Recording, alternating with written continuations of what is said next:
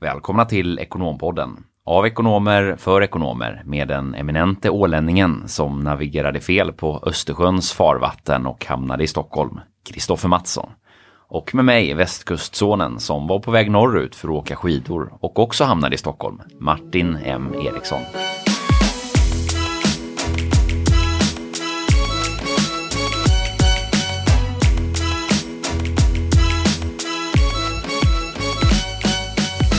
Fantastiskt kul att vara här igen med dig Martin. Vad, vad har du grejat med sen sist? Det har ju varit eh, ganska bra eh, skidväder i, i Stockholm. Eh, ganska härlig vinter här sista veckorna med mycket snö och, och kallt. Eh, så jag har varit på skidjakt efter nya längdskidor. Ah, har du hittat några skidor då? Mm. Det är ju fantastiskt väder i Stockholm nu. Solen skiner och man får lite vårvittring. Ja, det blev ett par nya. Eh, och eh, sen så var jag faktiskt nere eh, med dem också då i Göteborg och skulle introducera min kära mor för längdskidor. Problemet var ju bara att det var ju 9 plusgrader och sol så att det kändes liksom lite fel att eh, slänga på sig skidutrustningen och hoppa ut i, i längdspåret. Jag förstår det. Nej men skidor, det är, jag har ju mina minnen går tillbaka till grundskolan när man fick åka längdskidor på eh, en fotbollsplan eller ett sportfält eller vad det var. Och, och, jag fick inte riktigt tycket för det där och jag brukar ju som med allt annat så är man ju dålig på att liksom ta tag i saker direkt man skjuter allt på framtiden och sådär. Men jag har ju länge sagt att jag ska också ta tag i det här med, med längdskidåkningen. Och, men varje december när man sen ska göra det, då det är ingen snö och sen när väl snön kommer i februari, ja men då är ju säsongen över så att säga. Mm. Eh, men jag ska faktiskt till eh, Järvsö här nästa vecka och åka lite skidor. Eh, och eh, då blir det ju för sig utför. Eh, och du är också på väg att skida va Martin? Mm, det blir Järvsö för mig med, men jag tror det är veckan efter dig. Ja, det var olika sällskap alltså. ja, det var ju det. Ja, nej men eh, fantastiskt. Vad har eh, du eh, pysslat med då? Ja, vad har jag gjort? Nej men jag har, idag satt jag lite stjärnglans faktiskt på vardagen och käkade en lyxfrukost på Scandic Anglais. Jag gick förbi där och stapetserade eh, och så såg jag att de hade något specialpris där, 100 spänn för en brakfrukost. Tänkte jag det här ska jag göra. Jag har sagt det länge att man får bli bättre på det här med att sätta stjärnglans i, i, i vardagen hotellen är ju eh, väldigt eh, annorlunda belagda de här tiderna nu också. Jag var ju nere som sagt nyligen då eh, i Göteborg och under helgen där så var det ju relativt sett mycket folk på, på hotellet som jag bodde på ganska centralt. Och sen på måndag morgonen när jag var nere och skulle äta frukost så, så var det ju i princip, eh, det var ekande tomt. Så det, det är ju helt annorlunda och stora förändringar även för hotellnäringen i de här tiderna minst sagt.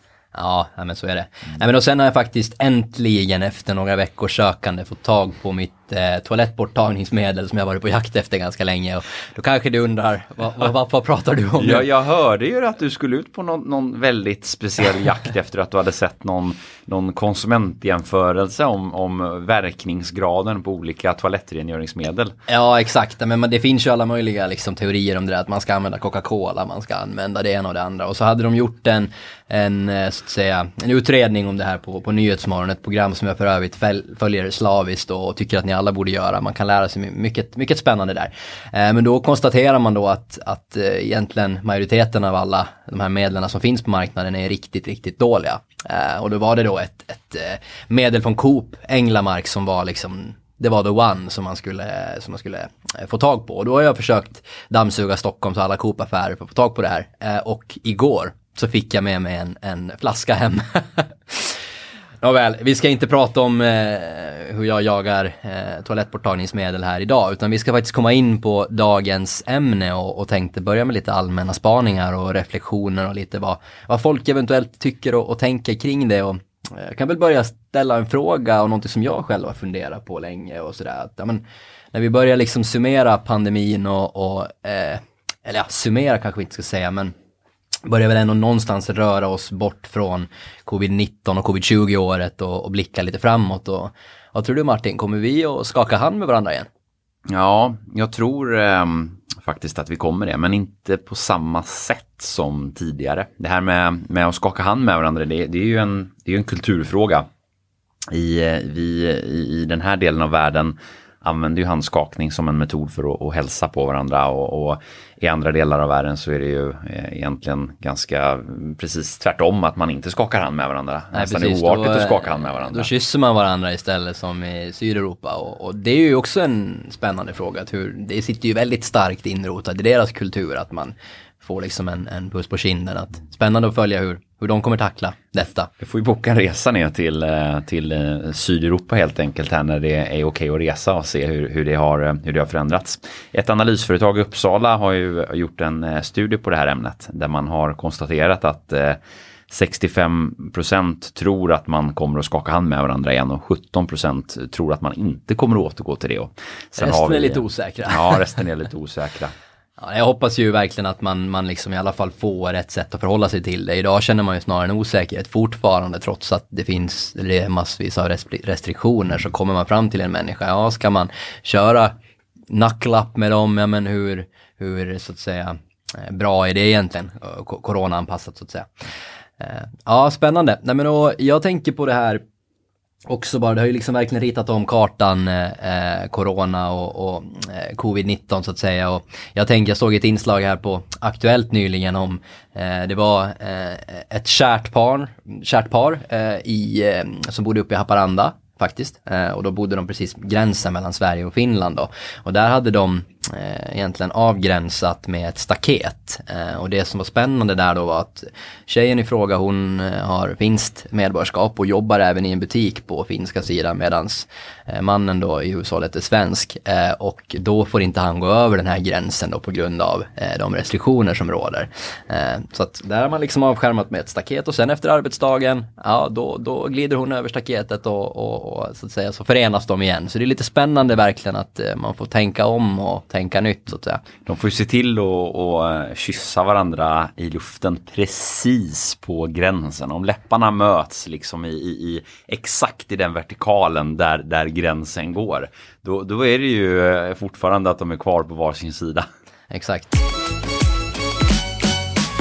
Martin, vad har du för spaningar på, eh, på ämnet och vad, vad, vad går, hur går tankarna tror du hos, hos ekonomerna där ute? Det är en stor eh, utflyttning just nu känns det som också eh, från, eh, från städerna. Det är en, en trend det här med så som vi är vana att jobba och samlas eh, i, i, runt kontoren och runt eh, de verkningsfulla orterna eh, och framförallt på alla orter där man ju samlas eh, trångt måndag till fredag och, och avslutar veckan med en AV eh, och alla är på samma plats. nu känns det som att trenden går åt andra hållet. Man börjar titta på hur kan man ställa om sitt liv och, och, och få kvalitet i vardagen eh, när man jobbar hemma eller jobbar på distans. Och även om man själv går till kontoret och besöker kontoret eh, som jag gör ibland så är det ju väldigt få andra där. Så det finns ju knappt något värde av den anledningen heller. Så det har vi sett inte minst nu eh, har ju bostadspriserna rusat ganska kraftigt under, eh, under de senaste månaderna. Det är ju, pratas ju mycket om jakten på, på tomter för att köpa mark och kunna bygga hus och eh, hela eh, de här, eh, exempelvis de här techhubbarna i, i, i eh, USA, Silicon Valley och San Francisco, hyrorna har rasat med, med eh, jättemånga procent. Det, det har ju till och med blivit ett begrepp, eh, tech-exodus eller texodus som är en sammansättning av orden tech och exodus. Eh, ah, just det, intressant. Jag såg faktiskt ett, ett inslag om det där på Aktuellt också när de beskrev problematiken men också möjligheterna med det, liksom att vad, vad kommer innebära, eh, kanske då framförallt i, i tech-täta Silicon Valley liksom och att man kommer kunna börja rekrytera globalt och sådär. Men det kommer vi komma in och diskutera lite, lite senare för att vi ska få lite struktur på det här så tänkte komma in lite på, på bakgrund och varför jobbar vi på kontor idag och eh, så att säga hur kommer vi in på den kanske aktuella frågan som eh, coronapandemin har lett till och den tekniska Eh, tekniska förutsättningarna som gör att vi idag jobbar hemma och kommer jobba ännu mer hemma. Industrialismen började ju redan på 1800-talet att samla eh, människor eh, på specifika platser vid specifika tidpunkter för att utföra ett specifikt arbete. Det ser vi fortfarande idag exempel på de här gamla industrisamhällena som finns kvar. Ett, ett stort slott som ju var fabrikörens bostad och sen arbetarbostäderna som låg i, i, i närliggande kvarter runt omkring fabriken där, där alla arbetarna bodde. Och där ju hela familjer var anställda på, på samma fabrik och, och jobbade i treskift eh, i de här fabrikerna medan eh, respektive partner var hemma och tog hand om barnen medan den andra var, var på jobbet så att säga. Det låter fantastiskt. Och sen eh, någonstans 1900-talet där eh, så kom vi in på de här, nu levde jag inte själv under den här tiden men man kan ju någonstans se det framför sig, de här trälhaven som man så vackert kallade när man hade de här skrivborden på rad, man satt och knappade på sina skrivmaskiner. Eh, och det någonstans sen kom man in i 60-talet och man började prata om liberalism och frihetsideal och man skulle, vad heter det nu, jobba i öppna kontorslandskap och på tal om öppna kontorslandskap faktiskt så har jag en ganska spännande anekdot att dela med mig av. Just om, du kanske har hört den, lite dubbelmoral kanske man lugnt kunde säga, just det här med arkitekten som designar ett, ett kontor. Eh, och då menar han just att det ska vara så lekfullt och öppna kontor och sådär. Och, och, men arkitekten själv i fråga har ett eget kontor. ja men precis, det är ju sådär, bara för att man eh, gör någonting som andra ska tycka om så betyder det inte nödvändigtvis att det, att det är det som man gillar själv med. Men det är ju en ganska komisk bild när han sitter i instängd i ett eget rum och ritar i lugn och ro. Verkligen. Nej, men så kommer vi in då på 70-talet någonstans, då hade man Eh, då, då bestämde man sig att man har stängda rum istället eh, för att det blev helt enkelt för stökigt och för hög ljudnivå. Eh, och eh, ja, men det, det, det, känns väl som en rimlig, rimlig utveckling och det var väl kanske någonstans efter millenniumskiftet sen eh, där det återigen då som var inne på öppna landskap, ja men då fick man inspiration igen från USA och, och techens värld i Silicon Valley. Det skulle vara lekfullhet och man skulle liksom stimuleras och få nya idéer i, eh, och man skulle klä kontoret som om det var hemma så att säga. Och, så börjar man även redan innan detta på 80-talet diskutera distansarbete lite försiktigt sådär att man pratade om hemdatorn och, och man pratade också om att ja, det skulle explodera, att man skulle, alla kommer att jobba hemma så att säga och det är framtiden. Men man kunde ju ganska snabbt konstatera att ja, men det fanns inte de tekniska förutsättningarna för det och du minns säkert själv eh, när man ringde upp, eh, vad heter det, jag vet att jag och brorsan hade... Ring upp modemet. Exakt, ja. Jag och brorsan hade en timme om dagen då som vi fick sitta på vår eh, dator, familjedator och, och, då fick man koppla upp sig och sen och sen så var det upptaget på fasta linan då under den här, de här två timmarna som jag och brorsan satt då. Så det är ju ganska uppenbart att förutsättningarna fanns inte riktigt där och, och det leder väl oss vidare någonstans till så att säga vart vi, vart vi kommer idag och den tekniska utvecklingen som corona inte minst har bringat. Det som är intressant i det här och vad som inte har hängt med i utvecklingen.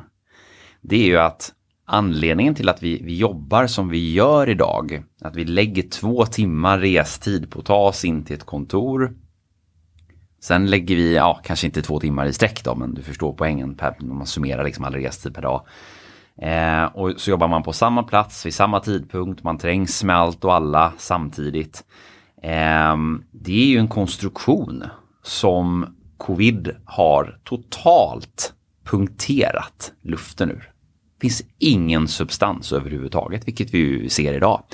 Fortsatt finns ju ett värde såklart att man kan jobba samtidigt om man interagerar med kollegor och så vidare. Men den geografiska eh, platsen man, man så att säga befinner sig på den, den är ju inte alltid för alla ekonomer nödvändig eh, för att, att utföra sitt arbete. Och det är ju ganska intressant att man tittar på hur fort det här har förändrats. Tittar vi på hur vi, vi jobbade då förr med, som sagt tillbaks till industrialismen, det är därifrån konstruktionen kommer. Så, så är ju inte behovet av arbetssätt på samma sätt idag. Vi, vi, vi måste ju inte vara på samma eh, plats och knappt vid samma tidpunkt för att utföra en leverans. Så det är ju en, en, någonstans en social och normaliserad samhällskonstruktion som, som totalt luften har gått ur idag och då går vi ju någonstans in i en helt ny epok kring det här med hur vi arbetar och hur vi lever våra liv som, som det här får, får med sig framåt. Ehm, eh, vi kan väl hoppa in lite i akutfasen och omställningsfasen här under det här covidåret innan vi kommer in på de trenderna vi ser. Ja precis, ja men det, du var ju lite inne på det att ja, men vad, vad händer egentligen om man skulle försöka liksom eh, strukturera upp då i, men först var det väl någonstans kris och krisberedskap och det här var någonting nytt man behöver ställa om, hur ska vi tänka, hur ska vi göra, väldigt mycket osäkerhet så att säga för att sedan komma någonstans in i en normaliseringsfas som vi mm. kanske är i idag. Mm. Och det är ju ett år sedan eh, ganska exakt när det här kom, det var ju våren 2020 som pandemin slog till. Exakt och det som jag kan tycka är lite intressant är ju att jag menar mot då under föregående år 2020 så var det ju bara osäkerhet egentligen hos alla parter. Det var myndigheter, det var regering och så vidare. Vad, vad innebär det här? Vi har inte upplevt en pandemi förut så att säga. Och, och permitteringar och folk blir utan jobb och, och det ena och det andra. Och då var det ju snarare liksom kontra idag då när man ändå börjar, har man ju anpassat sig efter de förutsättningar som råder och, och det är ju det är helt, helt annat landskap mot då när man verkligen hade, liksom, man visste ingenting. Man pratar om det här med, många pratar om det här med att ja, när, vi, när det kommer tillbaka, när det blir som, när, när vi återgår till det normala. Och jag, jag är ju en av de här som för, förespråkar eh, perspektivet att vi kommer aldrig återgå till det normala. Alltså det normala, det är ju liksom, det är ju hela tiden det vi lever i. Och, och, och det är otvivelaktigt på det sättet att kartan har ritats om. Eh, det har skett otroligt mycket strukturella förändringar genom eh, massvis med olika eh, funktioner i samhället, i företagen, i människors sätt att leva och, och, se på saker och ting. Så att vi går ju mot en tid som ju ger oss också väldigt, väldigt mycket möjligheter. Eh, att, att, att kunna ställa om, att börja kunna fråga eh, kring ja, men hur, hur, vill jag leva eller hur vill vi driva vårt företag? Eh, hur, hur, vill vi eh, att vår företagskultur ska se ut? Där vi faktiskt får, får, eh, får möjligheten att göra om. Och den här möjligheten är någonting som man, man bör ta tillvara på därför att eh, det blir någonstans mer eller mindre tvunget skulle jag säga. Du kan ju liksom inte välja att leva kvar i det gamla när eh, det totalt har förändrats. Eh, för det har tvingats fram en förändring. Verkligen, och det har vi ju diskuterat innan det här behovet av att, jag menar både som individ och ekonom men även som organisation, man behöver liksom ligga i framkant och tänka ett steg före och inte liksom bara stå på perrongen för då kommer tåget att, att sticka någonstans. Det passar väl bra då att komma in på lite olika fördjupningsdelar kring ämnet då. Vi tänkte försöka eh, lägga vikt vid lite olika perspektiv då, fokusera på ekonomens perspektiv och kanske arbetsgivaren, chefen eller ledarens perspektiv, organisationens perspektiv och lite vad man kan tänka sig se för möjligheter och för utmaningar och vilka risker som, som det här med distansarbetet och de, de så att säga förändrade förutsättningarna Eh, leder till.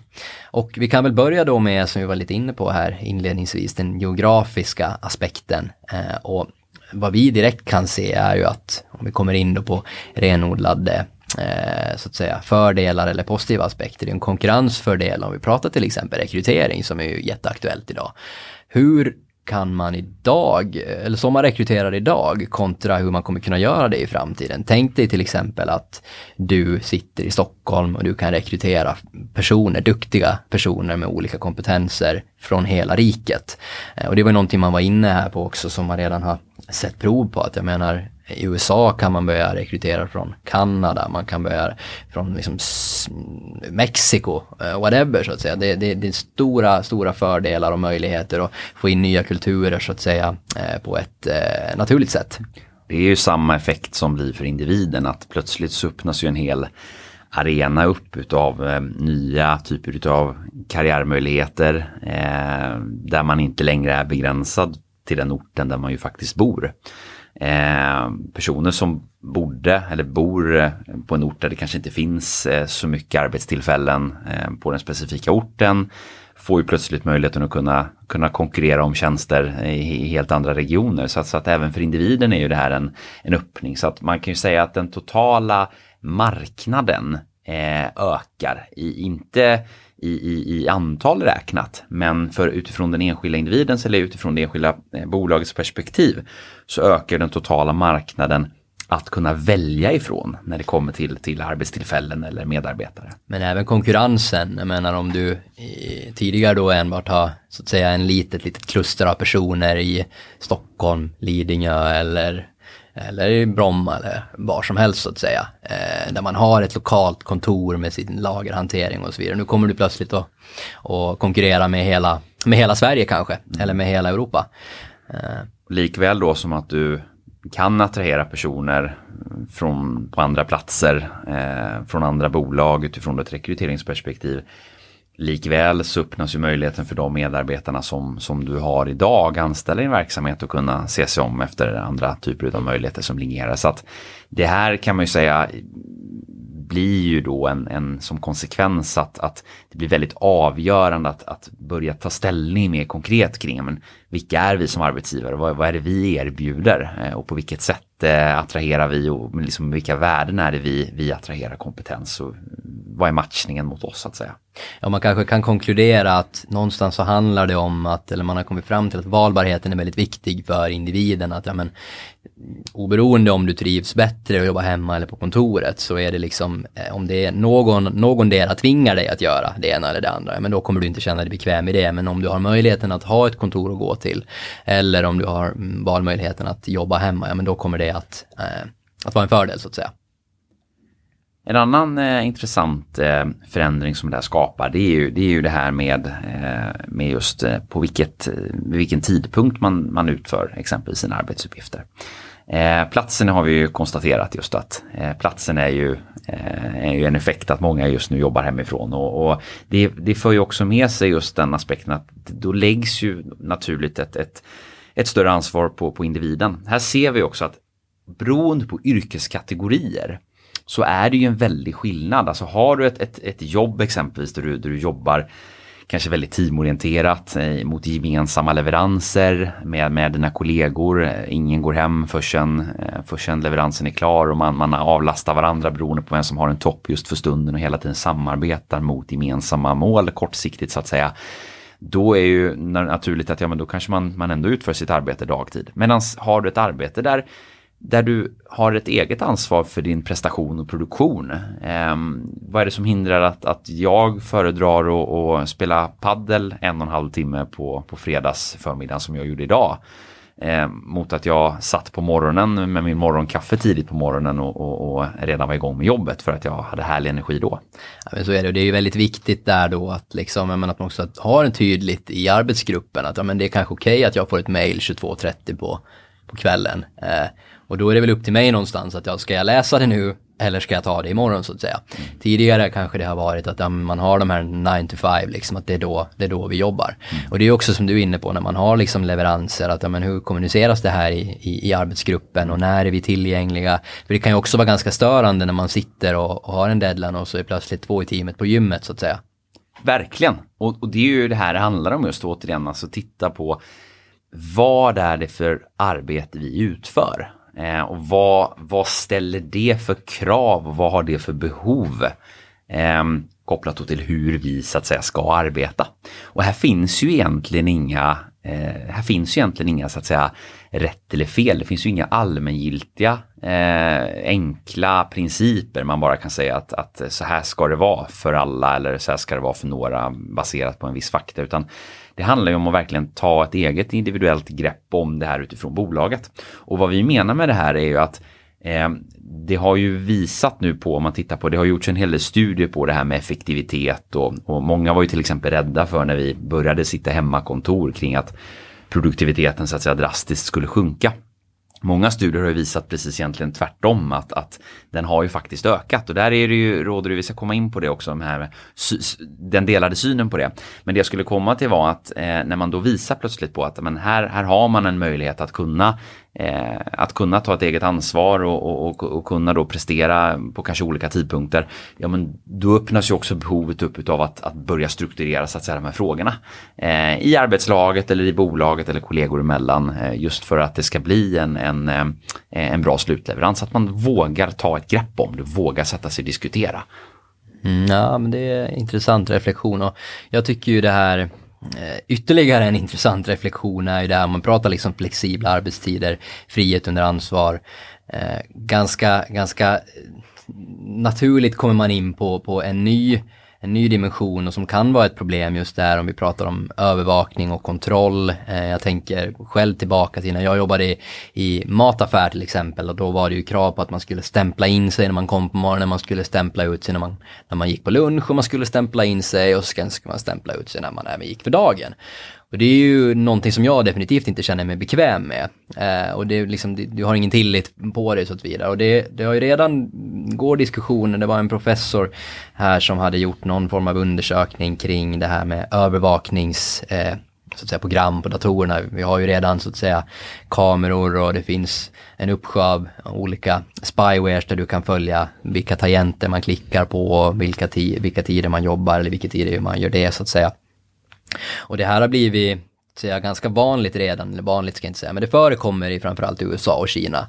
Eh, och då skulle det också kunna bli så att det blir en, en företagspolicy på sikt. Menar, vi har många bolag i Sverige som har verksamhet där och då kan det ganska försiktigt smyga sig på. Och eh, en del kanske då hävdar att, ja, varför det? Det är liksom frihet under ansvar, du har dina arbetsuppgifter som du ska göra, det är ingen som kommer behöva kontrollera vad du, vad du gör så att säga. Men det är ett ganska eh, hett, eh, hett ämne.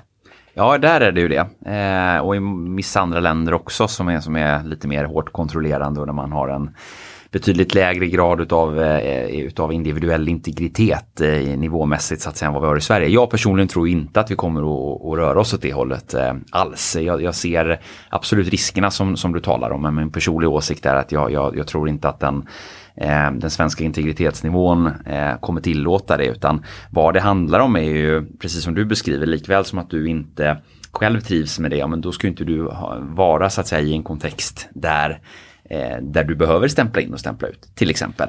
Och eh, tittar man på en ICA-butik, ja men då måste man ju vara på plats. Börja mitt skift klockan 15 och jag ska ta över kassan efter en kollega, men då ska jag vara på plats 15. Jag kan ju inte säga, men jag gick och tränade här i en timme istället. Jag, jag, jag jobbar kväll istället när ICA-butiken har stängt.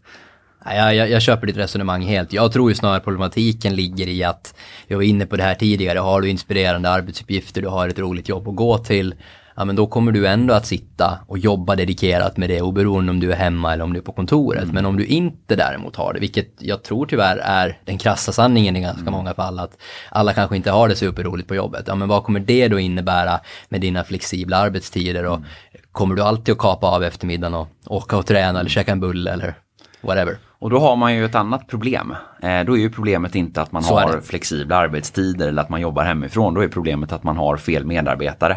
Eller att medarbetaren befinner sig på fel arbetsplats där han eller hon inte är stimulerad. Det, det är egentligen problemet. Då, då kommer vi ganska snabbt in också på den här förlängningsfrågan i det här eh, kopplat utifrån, utifrån ett rent och skärt ledarskapsperspektiv. Och det är ju den utmaningen som ju den här förändringen också då ställer på den enskilda, eh, på den enskilda ledaren.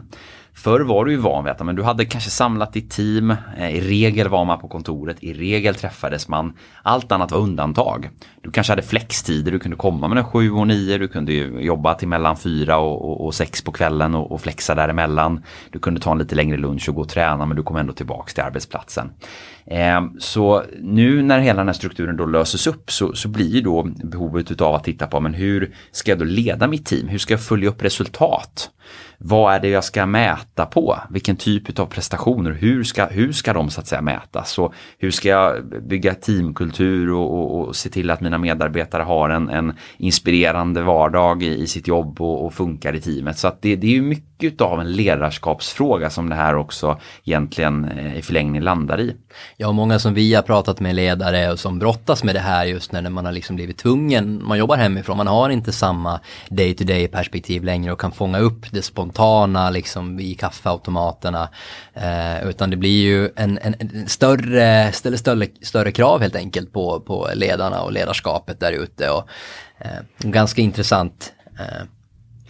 Vad är din take Kristoffer på det här då med, med produktivitet kopplat till det här? Vi, vi har ju sett eh, resultat i, i lite olika studier. Vissa studier säger ju att produktiviteten under den här pandemin har ökat. Och nu pratar vi då alltså om, om hemarbetet, den här omställningen, de som tidigare var på plats på kontoret och nu då jobbar hemifrån. Ehm, en del studier säger att produktiviteten har ökat, andra studier säger att produktiviteten har minskat. Vad är din eh, take på det här? Ja, men jag var ju lite inne, jag avslöjade min, min ståndpunkt på det lite tidigare här. Eh, och jag som sagt personligen så, så kanske jag är en person som jobbar lite bättre på eh, kontoren hemma men samtidigt har jag någonting dedikerat och spännande att jobba med eller jobba mot så, så kanske inte det är egentligen där som, som aspekten eller kärn, kärnvärdet ligger. Eh, men jag tycker produktivitetsfrågan är väldigt, väldigt spännande. Att gör man verkligen det där lilla extra eh, även när man är hemma. Eh, och då var det en, en professor vid Stanford eh, universitet som, som gjorde en studie för ett par år sedan en, om kinesiska eh, resebyråer och man hade tusen personer som man undersökte och då kom man fram till ganska spännande, eh, spännande resultat, bland annat då att produktiviteten bland de som jobbade hemma hade ökat med 13 procent. Och anledningarna då var ju, ja men det, det uppenbara att man kanske inte hade, man slapp pendling, man slapp restid, man hade en mycket större flexibilitet. Det är ju spännande i Kina just, där lägger man ju väldigt mycket tid på, eh, på, på resa till och från arbetet. Japan likaså, de som jobbar i till exempel Tokyo lägger ju, det är ju, det är ju otroliga mängder tid. Så är det, men det är det ju inte minst i Stockholm heller alltså. Jag menar, det minns jag när jag flyttade från lilla Åland till, till ja, först en vända till Örebro då och sen till Stockholm. Att det kändes som första året jag vantrivdes. Jag satt bara på tunnelbanan. Eh, och det blir väldigt mycket resor, det blir väldigt mycket pendling och, och, det är väl om vi återgår till de positiva aspekterna och även då som den här studien visade att man fick mer tid till att, till att faktiskt sitta och arbeta och då kanske du kan kapa av en timme på eftermiddagen för att du har, slupp, du har sluppit liksom den pendlingstiden och kanske jobbat in lunchen eller eh, vad den kunde tänkas vara. Och man kom även fram till faktiskt någonting som jag tycker är spännande. Det här var ju då innan corona men, men ändå i ögonfallande att man hade 50% färre uppsägningar eh, bland de som faktiskt jobbade hemma kontra de som jobbade då ute på fältet om man uttrycker det så. Och slutsatsen då, eh, bortsett från detta så, så var att ja, men de personer som hade bra förutsättningar eh, för att jobba hemifrån Eh, allt vad kommer till ergonomi och, och, och, och sådär. då leder det till, till ökad produktivitet. Och det ska bli väldigt spännande att följa upp det där under corona och, och, och för så att säga, det kommer ju också vara så att den arbetsgrupp, alltså ekonomer till exempel, som har arbeten där man faktiskt kan ha bra förutsättningar för att jobba hemifrån. Eh, vad händer med de andra branscherna och yrkesgrupperna? Kanske inte finns samma möjligheter. Mm. Det är ju väldigt eh, intressant om man tittar på eh, ner på individnivå just hur, hur olikheterna ser ut individer emellan och då kommer vi ganska snabbt in på den här frågan just med, med återigen att, att börja titta på en, en, en anpassning, att börja liksom fråga sig själv med vad, vad är det jag trivs med och, och vad behöver jag ha så att säga för att kunna prestera. Jag har eh, ett exempel på det här. Vi har ju en, en eh, person som, som både du och jag jobbar väldigt nära eh, i våra leveranser eh, som, som är chef för en, en grupp ekonomer. Hon bor utanför Stockholm, eh, bor i hus, har tre barn. För henne har ju det här varit toppen. Hon sparar ju tio timmar i veckan på, på restid och, och får både mer kvalitet med, med, med familjen och, och, och, kan prestera bättre och har minskat sin vardagsstress. Sen har jag en nära vän till mig som bor centralt i Stockholm. Eh, och och eh, hans företag har ju totalt satt hemarbetet som nummer ett och alla jobbar hemifrån. Och eh, det är ju, det är ju en, en hög grad utav ja, men rent av liksom isolation för hans del, som, som trivs med och får energi och stimuleras utav att vara med andra människor. Så han, han jagar ju de här sammanhangen. Så för honom har det varit raka motsatsen, det har varit en produktivitetssänkning. Så det här med, med ökad eller minskad produktivitet i studier, det är också någonting man lite ska passa sig för och peka med hela handen, utan mycket även där landar ju på, på egentligen det individuella. Så är det och alla vi som har läst statistik och alla vi som har gjort en jämförande studie på ett eller annat sätt så vet ju att man kan ganska enkelt eh, så att säga, manipulera resultatet i den riktningen som man önskar. Eh, så man ska alltid, liksom, man behöver titta på parametrar på ett helt annat sätt. Men det är ganska intressant att, att fundera kring dem. Mm eh, termerna. Så rådet blir väl egentligen på, på temat just att eh, både för arbetsgivare och, och, för individer att börja diskutera frågan kring ja, men, eh, vad är det vi gör? Eh, vilken typ av arbete är det vi gör? Och börja modellera om det här huret. Hur gör vi detta? Eftersom förutsättningarna har förändrats, eh, då behöver vi titta på hur ska vi göra detta eh, för att göra det på bästa sätt. Och sen i förlängningen då titta också på hur trivs jag själv? Eh, vad är det för kontext jag trivs i? Och se till att man har återigen en matchning. Det är ju samma princip som allt annat. Att, att det ska stämma överens. Så som jag trivs att jobba, det jag behöver, den typen av arbetsuppgifter jag har med vad arbetsgivaren erbjuder och den, den tillgång som finns på de bitarna. Mm, jag håller med. Eh, men någon annan spännande eh, ämne kopplat till distansarbete och kontorsarbete och egentligen båda delarna är ju just stress och kanske sociala avskildheten och alla de liksom komponenterna, man träffar inte kollegorna och, och, och stresset, stressen då i hemmet, är det, blir du liksom mer stressad eller mindre stressad? Och där finns det också lite, lite tu, tudelade eh, meningar och det är ganska intressant att, eh, såg ett inslag här nyligen att kvinnor upplevs, eh, eller upplever en lägre eh, stressnivå när de jobbar hemma, medan männen upplever en ökad stress. Vad tror du det beror på? Ja, det kan man ju verkligen fundera och spekulera i vad det där beror på. Eh, utan att gå in i någon, någon eh, genusdiskussion eh, här så, så kan man väl kanske gissa lite grann. Ja, visst är det så. Och forts fortsättning på det då, om jag tar liksom, vi var inne på ledarskap och, och, och ledarna och cheferna. Och de upplever ju en ökad stress medan medarbetarna i, i stort eh, upplever att de får livscykeln att gå ihop med hämtning och lämning och, och sådär. Vad, vad, vad beror det på då i sin tur?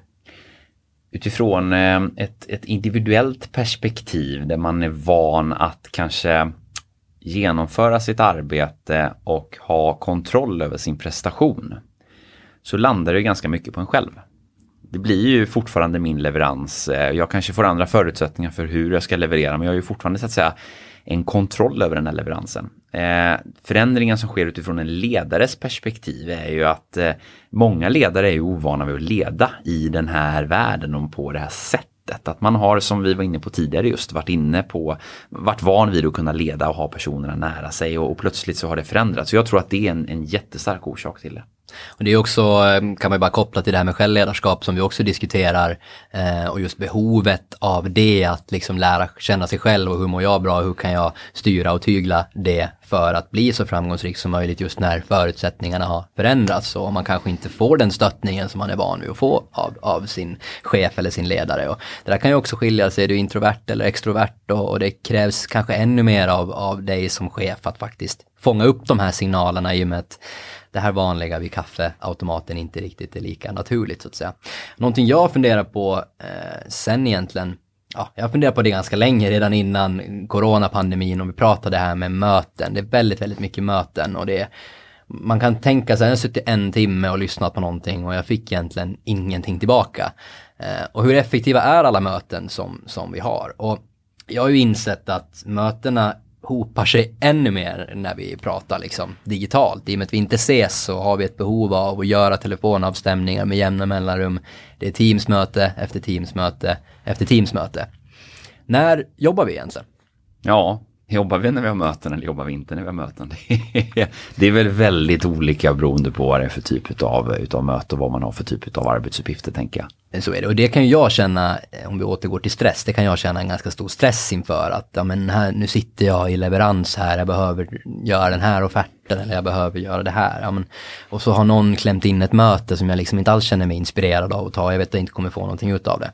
Eh, så ja, det, och, det, och så har det ju egentligen länge varit, även innan, innan covid-tiden. Vad jag tänker på, den största förändringen, det är ju det här med att möten eh, avlöser varandra. Det är ju att, eh, kopplat också återigen där till, till stress, att eh, när vi jobbade på kontor eller var ute och träffade andra personer i, på andra ställen rent geografiskt, att man rörde sig i sitt jobb så att säga då fick man ju också ett naturligt avbrott mellan de här mötena. Man hade den här transportsträckan till tunnelbanan eller cykelturen till det här mötet eller eh, bussen eller vad det nu var.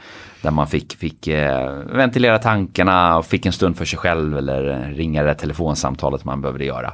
Eh, den där restiden är ju, den är ju borta nu. Och den har ju, det har ju sina fördelar men det ger ju också sina, sina effekter och utmaningar. Så ehm, just det där med att tänka igenom lite grann att, att eh, se till att få den här vardagsmotionen, den här friska luften och, och, och man får ju på något sätt ett större ansvar att skapa de där strukturerna själv när man inte längre eh, påtvingat så att säga få den här rörligheten som, som ju kroppen behöver. Ofta kan man ju känna sig trött efter en dag och, och då brukar jag fråga så här, men vad är jag trött av? Jag, jag, jag är trött av att sitta still, jag behöver röra på mig. Har, har, du, har du blivit en soffpotatis här, Kristoffer, under Ja det är frågan. Nej men det är verkligen så, man blir ju, det är precis som man har varit ute en, en sen kväll och druckit några öl för mycket. Eh, och sover länge och man känner liksom att jag kommer inte få någonting uträttat idag. Men om du släpar dig ut på en promenad så att säga så kommer du ändå få mer energi av det. Så det ligger mycket i det du säger, att man, man blir tröttare av att kanske inte göra någonting. Och det är ju faktiskt risken med kanske Eh, den här om vi pratar liksom fysisk aktivitet och ergonomi i hemmet, det är också, om vi återgår till produktivitet och liksom alla kanske inte har samma förutsättningar att sitta på en bra kontorstol och ha ett bra skrivbord och sitta med. Du kanske sitter i en skrubb eller i ett garage eller i köket och mm. en liten lägenhet, man trängs på liten yta och, och, och sådär. Och det var ju också som sagt slutsatsen i den här studien att ja, men har man bra förutsättningar, ja då, då mm. det, det säger ju sig självt någonstans. Mm. Och där är, är ju verkligen arbetsgivarens ansvar att ta ett grepp om de här frågorna.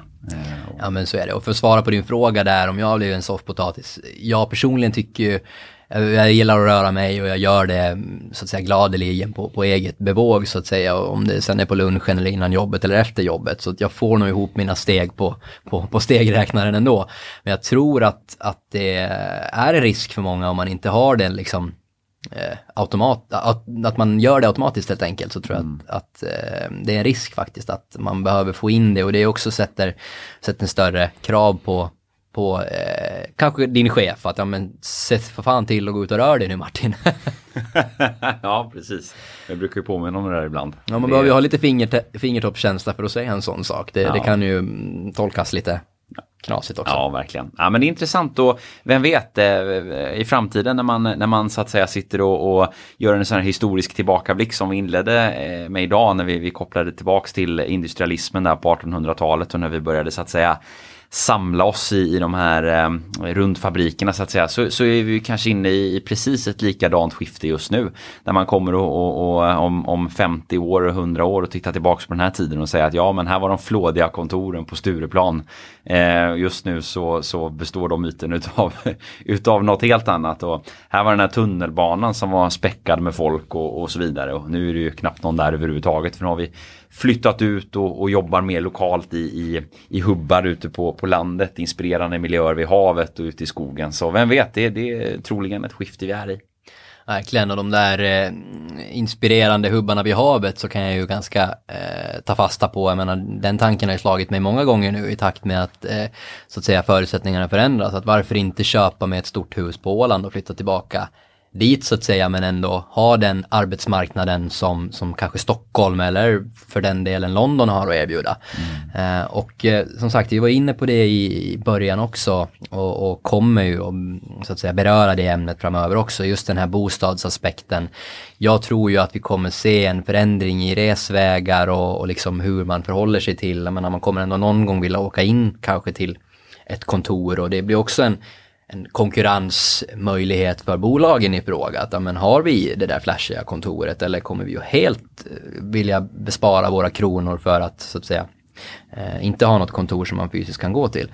Och någonting som man då skulle kunna eh, se på är ju då hur bostadsmarknaden har eh, så att säga förändrats. Och jag, jag kan ju jag kan ju raljera men jag tror att det ligger ganska mycket i det och de tendenserna ser man ju redan när man pratat med lite mäklare som gör trendspaningar och sådär att många är benägna att flytta utanför tullarna idag för att man kanske inte har samma behov av att bo mitt i city för att du ska ha två eller tre eller fyra minuters promenad på jobb utan du, du sätter snarare vikt vid att jag behöver ha drägligt hemma där jag ska arbeta. Vi vill ha ett extra rum så att vi ska kunna, liksom behöver inte ha arbetsrum, sovrum, kök, badrum i ett och samma rum och dessutom vara två personer där. Så är det verkligen. Det är en jättestor förändring. Det ser jag till mig själv också som ju flyttade in till stan för några år sedan och, och har ju älskat att ha nära till, till jobbet, promenadavstånd. Men, men plötsligt så är det ju nya förutsättningar. Sen gillar jag i och för sig att ha eh, krypavstånd när jag går hem från Golden Hits eller något, något annat trevligt ställe. Men det har ju sina där, fördelar ändå. Ja, det finns ju taxi. Så länge man inte är minderårig och bor i, i, i Åre eller på, i, på skidbesök i Åre och blir skingrad från en hemmafest med, med hundra hundra stycken personer som, som polisen skingrade häromdagen. Det var ju, det var ju tragiska och samtidigt eh, lite underhållande eh, nyheter faktiskt i det svepet får man lov att säga. För att summera det vi har pratat lite grann om och vad man kan ta med sig efter och, och tänka på framåt för att, för att fixa den här omställningen så eh, är det ju kopplat eh, då till eh, de förändringarna, rent geografiska förändringarna i i, i kravbilden på hur vi ska bo, hur vi ska jobba, hur vi ska resa till och från jobbet som ju, som ju totalt har förändrats. Så där blir det ju både en, en, en möjlighet att kunna söka andra tjänster, en helt ny arena av, av potentiella arbetsgivare har ju öppnat upp sig. Eh, likväl som att för bolagen så, så uppstår ju möjligheten att kunna rekrytera kompetens från eh, helt andra delar utav inte bara Sverige utan övriga världen för den sakens skull också. Verkligen, vi pratar ju då global rekrytering, vi pratar om att man kan minska ner kostnaderna för kontor och, och det innebär så att säga ökad konkurrens för dig som ekonom men även ökade möjligheter. Så det finns ju två olika eh, sätt att se på det. Den trenden jag ser i det och det man ska ta med sig därifrån det är att våga eh, definiera vilka är vi. Eh, plötsligt så, så eh, blir ju konkurrensen om, om kompetens som sagt på ett sätt större men likväl öppnas ju vår arena för att kunna konkurrera med andra om kompetensen. Och då blir ju det här behovet av att definiera vilka är vi, vad står vi för och, hur jobbar vi och så vidare. Eh, extremt viktigt. Exakt, ha en tydlig ståndpunkt där och, och var inte rädd för att marknadsföra att så här gör vi frågan kring eh, det här med att jobba med ökat frihet eh, under ansvar i och med att vi nu jobbar hemifrån, vi kanske börjar jobba på andra tider och så vidare. Så blir det viktigt att titta på hur är det jag jobbar bäst utifrån eh, vad jag jobbar med. Vad vi jobbar med Eh, och varför vi gör det vi gör och vad vi gör så att säga. Det har inte nödvändigtvis förändrats särskilt stor utsträckning, kanske inte överhuvudtaget på grund av pandemin. Däremot så förändras ju huret, hur vi gör detta. Och där behöver man våga ta ett nytt grepp för att strukturerna har lösts upp. Det är inte längre på samma sätt som det var för ett år sedan. Och man behöver jobba igenom den frågan igen. Dels utifrån organisationens perspektiv där man inkluderar medarbetare. Likväl som att man som individ behöver börja fundera igenom vad är det jag behöver? Vad, vad är det jag egentligen trivs bäst med och vad, vad, är viktigt för mig för att få förutsättningar att kunna prestera? Och att man mot bakgrund av den informationen eh, drar slutsatser som, som någonstans blir riktningsgivande för de beslut som man tar. Vad gäller stress då, vad kan vi konstatera där? Ja men det är ju väldigt tudelat och människor fungerar olika och människor är olika och, och det då får vi hitta någonstans din din balansgång i det som ekonom oberoende om du så att säga leder någon eller om du blir ledd av någon. Eh, och vad, vad är viktigt för mig? Hur vill jag lägga upp min dag och försöka vara tydlig eh, och kommunicera det? En tanke som slår mig apropå stress när vi pratar om det nu här så här i summeringssammanhang det är ju att man ska ju också tillåta sig och acceptera att det är en omställning. Alltså vi har ju liksom kämpat i år med att få våra vardagsrutiner att funka och det är någonting som många har levt med och, och försökt år efter år efter år och till slut så lyckas man trixa till det och, men det är ändå fort, fortfarande svårt. Och det här är ju en ny era vi går in i nu med. Så det är klart att, att eh, stör jag mig på min partner som, som sitter hemma eller ungarna som är ute och leker på, på baksidan medan jag sitter och har ett videomöte här och så är det liksom eh, barnavårdscentralen i lekparken eh, som, som väsnas. Så, så är det ju någonstans också att lite acceptera att det är en omställning och, och det är inte alltid så enkelt och det är okej. Okay. Men det är inte så enkelt som man tror, precis som du är inne på, att acceptera det. Vi hade ju ett kundmöte här för någon vecka sedan och det var två, tre, fyra, fem barn i, i tv-rutan och som skrek och det byttes rum och det ena och det andra. Och då kan man nästan bli lite irriterad sådär att, ja, men ha, hur har du förberett dig inför det här och är det här respektlöst mot oss som sitter här så att säga. Och, det är väl lite som, som du är inne på, att man kanske får lov att acceptera det och, och vara lite ödmjuk inför det liksom. Tillika som någon sambo kommer ut med med, eh, utan kalsonger från duschen och, och blir bemött av en hel konferens av, av ekonomer som sitter och har morgonmöte så att säga. Så man har ju hört my mycket, mycket spännande kring eh, de här storiesen och det är ju en fördel i sig att kunna sitta med skjortan på men med kalsongerna ner till så att säga. Någonting jag brukar försöka tillämpa. Ja, jag har ju förstått att det är din, det är din eh, nya eh, dresscode här på jobbet. Det man inte vet, det lider man inte av sig det. Helt rätt, definitivt så. Kan ju lägga in en eh, anekdot, eller anekdoter inte, men jag tänkte bara kring möten. För att minska den här stressen också så skulle det kunna vara skäl att vara tydlig kring mötesagendan och vad vi faktiskt ska gå igenom. Och någonting som också är viktigt om vi kopplar tillbaka det till det här med företagspolicy och ta en tydlig ståndpunkt. Jag vet att vi brukar ju ibland kunna dra ut på tiden ganska mycket på våra morgonmöten för att man inte har den här naturligt sociala kontakten med sina kollegor. Hur får vi den? Det är kanske okej okay att morgonmötet drar över 15, 20, 30 minuter på måndagen eller på torsdagen för att vi, har, vi tycker om varandra och vi vill prata med varandra. Men är det, är det i det forumet som vi ska ta den diskussionen om vad man har gjort i helgen eller ska man ha en timmes fika på eftermiddagen för att summera helgen. Det är en tydlig sån ståndpunkt som man borde ta även som ledare och som organisation. Och vad jag trivs i som individ eller ekonom. Filippa, vår kollega, var ju alldeles utmärkt där och bokade ju onsdagsfika klockan 15 digital. Det finns en enda regel, man får inte prata jobb.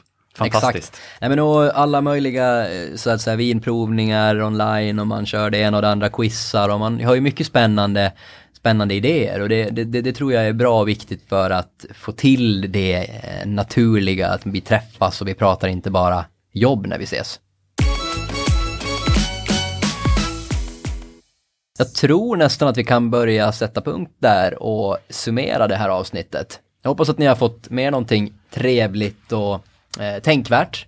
Det blir ju en eh, ny karta, en ny kompass som ska tas fram för både en själv som individ och för eh, organisationer i stort. Och, vi hoppas eh, att vi har eh, bidragit med, med mycket bra eh, tankar, idéer och, och förhoppningsvis lite inspiration för, för eh, ritandet utav den här eh, kartan och, och navigerandet eh, i den med kompassen. Stort tack för eh, idag och ha en fortsatt eh, härlig vecka. Vi ses och hörs. Det gör vi. Hej!